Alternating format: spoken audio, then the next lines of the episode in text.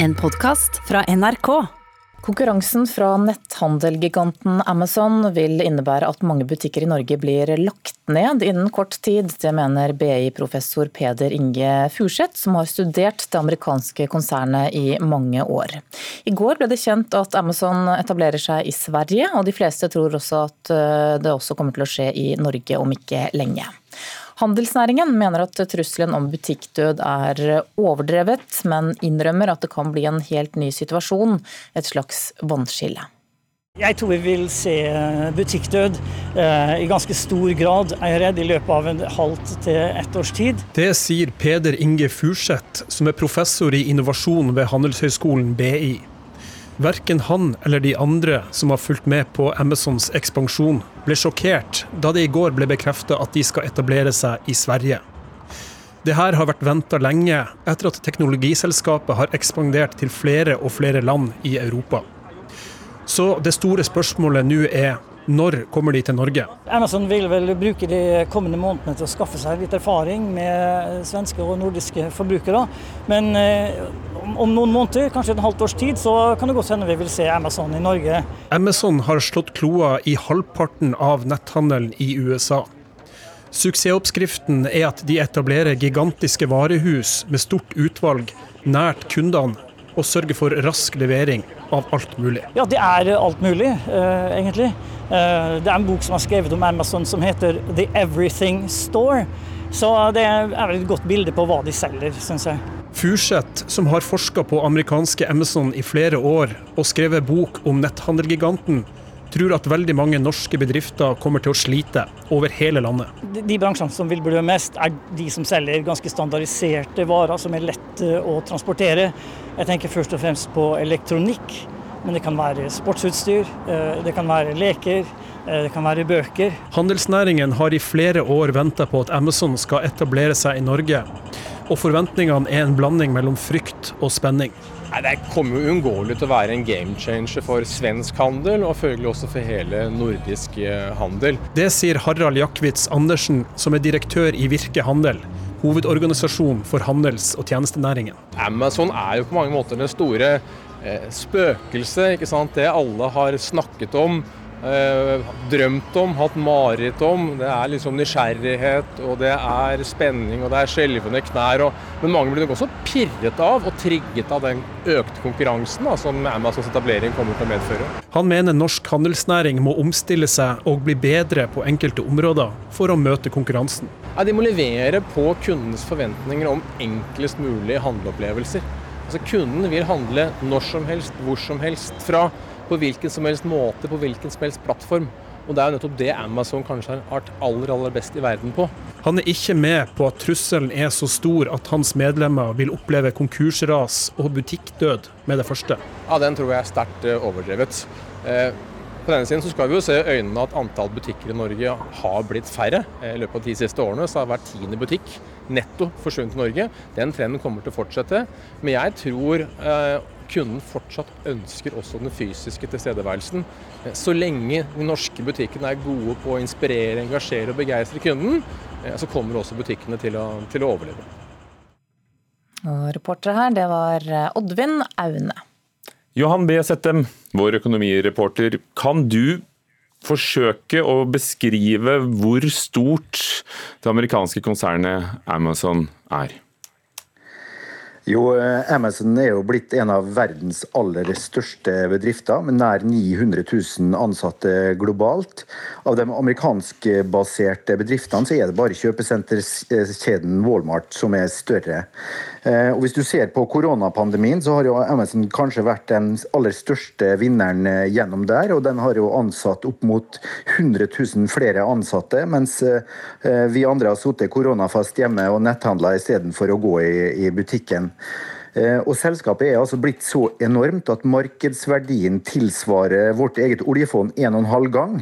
Og det er nesten like mye verdt som Apple, som leverer iPhone og iPad eh, til oss.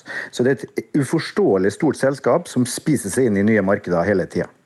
Og han er altså en av verdens rikeste menn, Jeff Bezos, som grunnla det hele i 1994. Da var det en bokhandel på nett, eh, og så har det blitt så mye mer. Hva har gjort dem så store?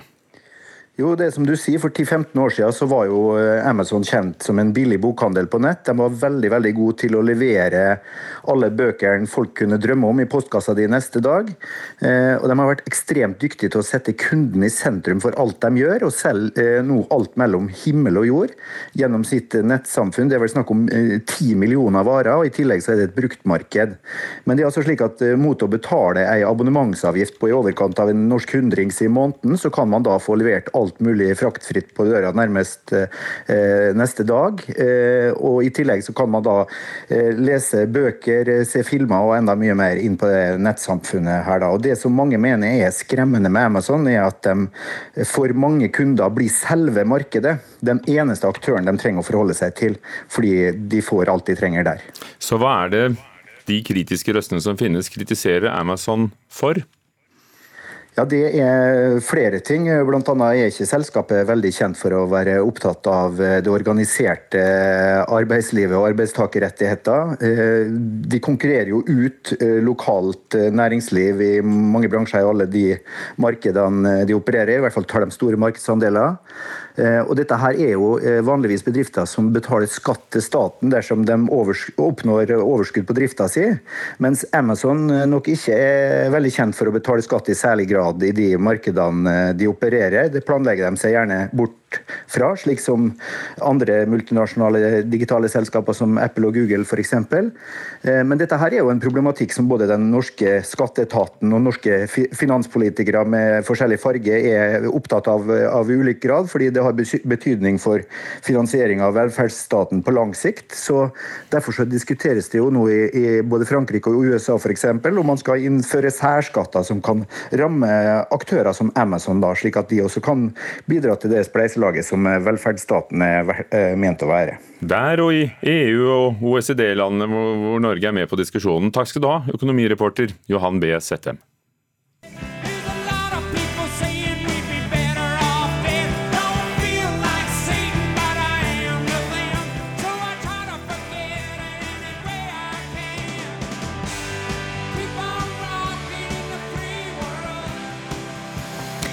Det er eh, artist Neil Young eh, og låta 'Walkin' in the Free World'. Og det er nå klart at eh, Neil Young saksøker Donald Trumps valgkampanje. Kulturreporter Henriette Bertheussen Isaksen, hva er grunnen til det? Neil Young er ikke fornøyd med at låtene hans, som den vi hører nå, spilles under valgkampmøtene til USAs president Donald Trump. Sjøl støtter han ikke presidenten, og han sier at han ikke kan la musikken hans brukes som temasang for det han kaller en splittende ikke-amerikansk kampanje som bunner i uvitenhet og hat. Dette er jo en, en strid som har pågått en stund? Ja, uenigheter som til slutt nå har ført til søksmål, har pågått lenge. Allerede i 2015 klaga Young over bruken av denne sangen. Den gangen ble den brukt da Trump kunngjorde at han ville bli president. Det er spesielt sangene 'Rocking in the Free World' og 'Devil's Sidewalk' som Young trekker frem. Låtene skal bl.a. ha blitt spilt under Trumps siste folkemøte i Tulsa i Oklahoma 20.6. Hva sier eh, presidentens valgkampapparat om søksmålet som nå kommer? De har foreløpig ikke kommentert saken. Neil Young på sin side sier at han ikke saksøker i mangel på respekt for eh, rettighetene og meningene til amerikanske borgere. Han mener at de står fritt til å støtte den kandidaten de sjøl vil, men legger til at eh, hans samvittighet eh, ikke tillater at musikken hans brukes i en kampanje som han mener splitter folket. Men Neil Young er jo ikke alene, da. Det er jo flere artister som har uttrykt misnøye over at musikken deres deres eh, brukes på presidentens arrangementer? Ja, bl.a. familien til eh, rockemusikeren Tom Petty reagerte etter at Trump brukte sangen I Won't Back Down. De sa at eh, Trump på ingen måte hadde rett til å bruke denne sangen for å videreføre en kampanje som overser både sunn fornuft og altfor mange amerikanere. I juni trua Rolling Stones med å saksøke etter at eh, klassikeren You Can't Always Get What You Want ble spilt på Trumps Oklahoma Rally, hvor kritikere sa at eh, arrangementet kunne bidra til å spre koronaviruset. Det er også artister som eh, Rihanna og Adele som er tydelige på at de ikke ønsker at musikken deres skal assosieres til den amerikanske presidenten. Okay, takk skal du ha, kulturreporter Henriette Bertheussen Isaksen.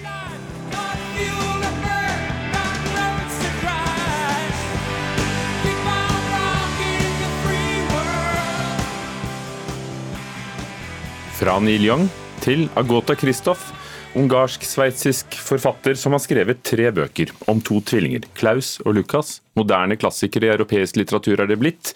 Kristoff døde selv i 2011. Hun var fra Ungarn, bosatte seg i Sveits og skrev på fransk. Hun lærte seg fransk da hun kom dit. Nå kommer det siste bindet av disse tre i, på norsk i en ny, oppdatert utgave, Den tredje løgnen. Knut Hoem, litteraturkritiker her i NRK. Da du leste de to forrige bøkene, hva gjorde det med deg? Nei, det var eh, årets mest besettende hendelse eh, i mitt eh, lesende liv. Jeg glemte faktisk å gå av T-banen her i Oslo. Havnet et helt annet sted enn der jeg opprinnelig hadde tenkt, og holdt på å kollidere i en lyktestolpe. Så dette gjorde voldsomt inntrykk. Denne historien om disse to tvillingene som blir satt bort til en veldig lite elskverdig bestemor i, i det som kanskje er Ungarn under krigen. Hva er det med historien om eh, Klaus og Lukas som har fått mange som deg til å bli så berørt? Det handler nok om den objektive og nøkterne måten historien blir fortalt på. Eh, det er tvillingene sjøl som forteller historien. De blir enige om at de skal skrive ned alt de opplever i et stort hefte på loftet. Og Det at det, er så nøkternt eh, beskrevet, det fører til at alle følelser og, som oppstår i leseren mer enn i teksten. Det er vi som leser som føler, ikke de som opplever, selv om det som oppleves til dels er både skremmende og rart. Den tredje løgnen heter dette tredje bindet, som nå kommer på norsk. Henger den sammen med de to andre? Nei, nå har det skjedd noe rart noe uh, i dette tredje bindet. Uh, jeg sjanglet rundt som en full sjømann i denne teksten uten helt å finne fotfeste i begynnelsen. Det henger ikke helt i hop med de forrige. Men det som har skjedd er jo at mens bind én utspiller seg under krigen, bind to utspiller seg i et kommunistisk diktatur, så er vi nå kommet til etter jernteppets fall. Og den ene tvillingen, Lukas, vender tilbake igjen til denne lille landsbyen 40 år etter på jakt etter tvillingbroren sin. Så langt så er det riktig. Men så har Kristoff funnet på en helt et helt nytt familiedrama som ligger til grunn for all all elendigheten. Noe som jo er voldsomt eh, forvirrende. Er det historien om hennes eget liv?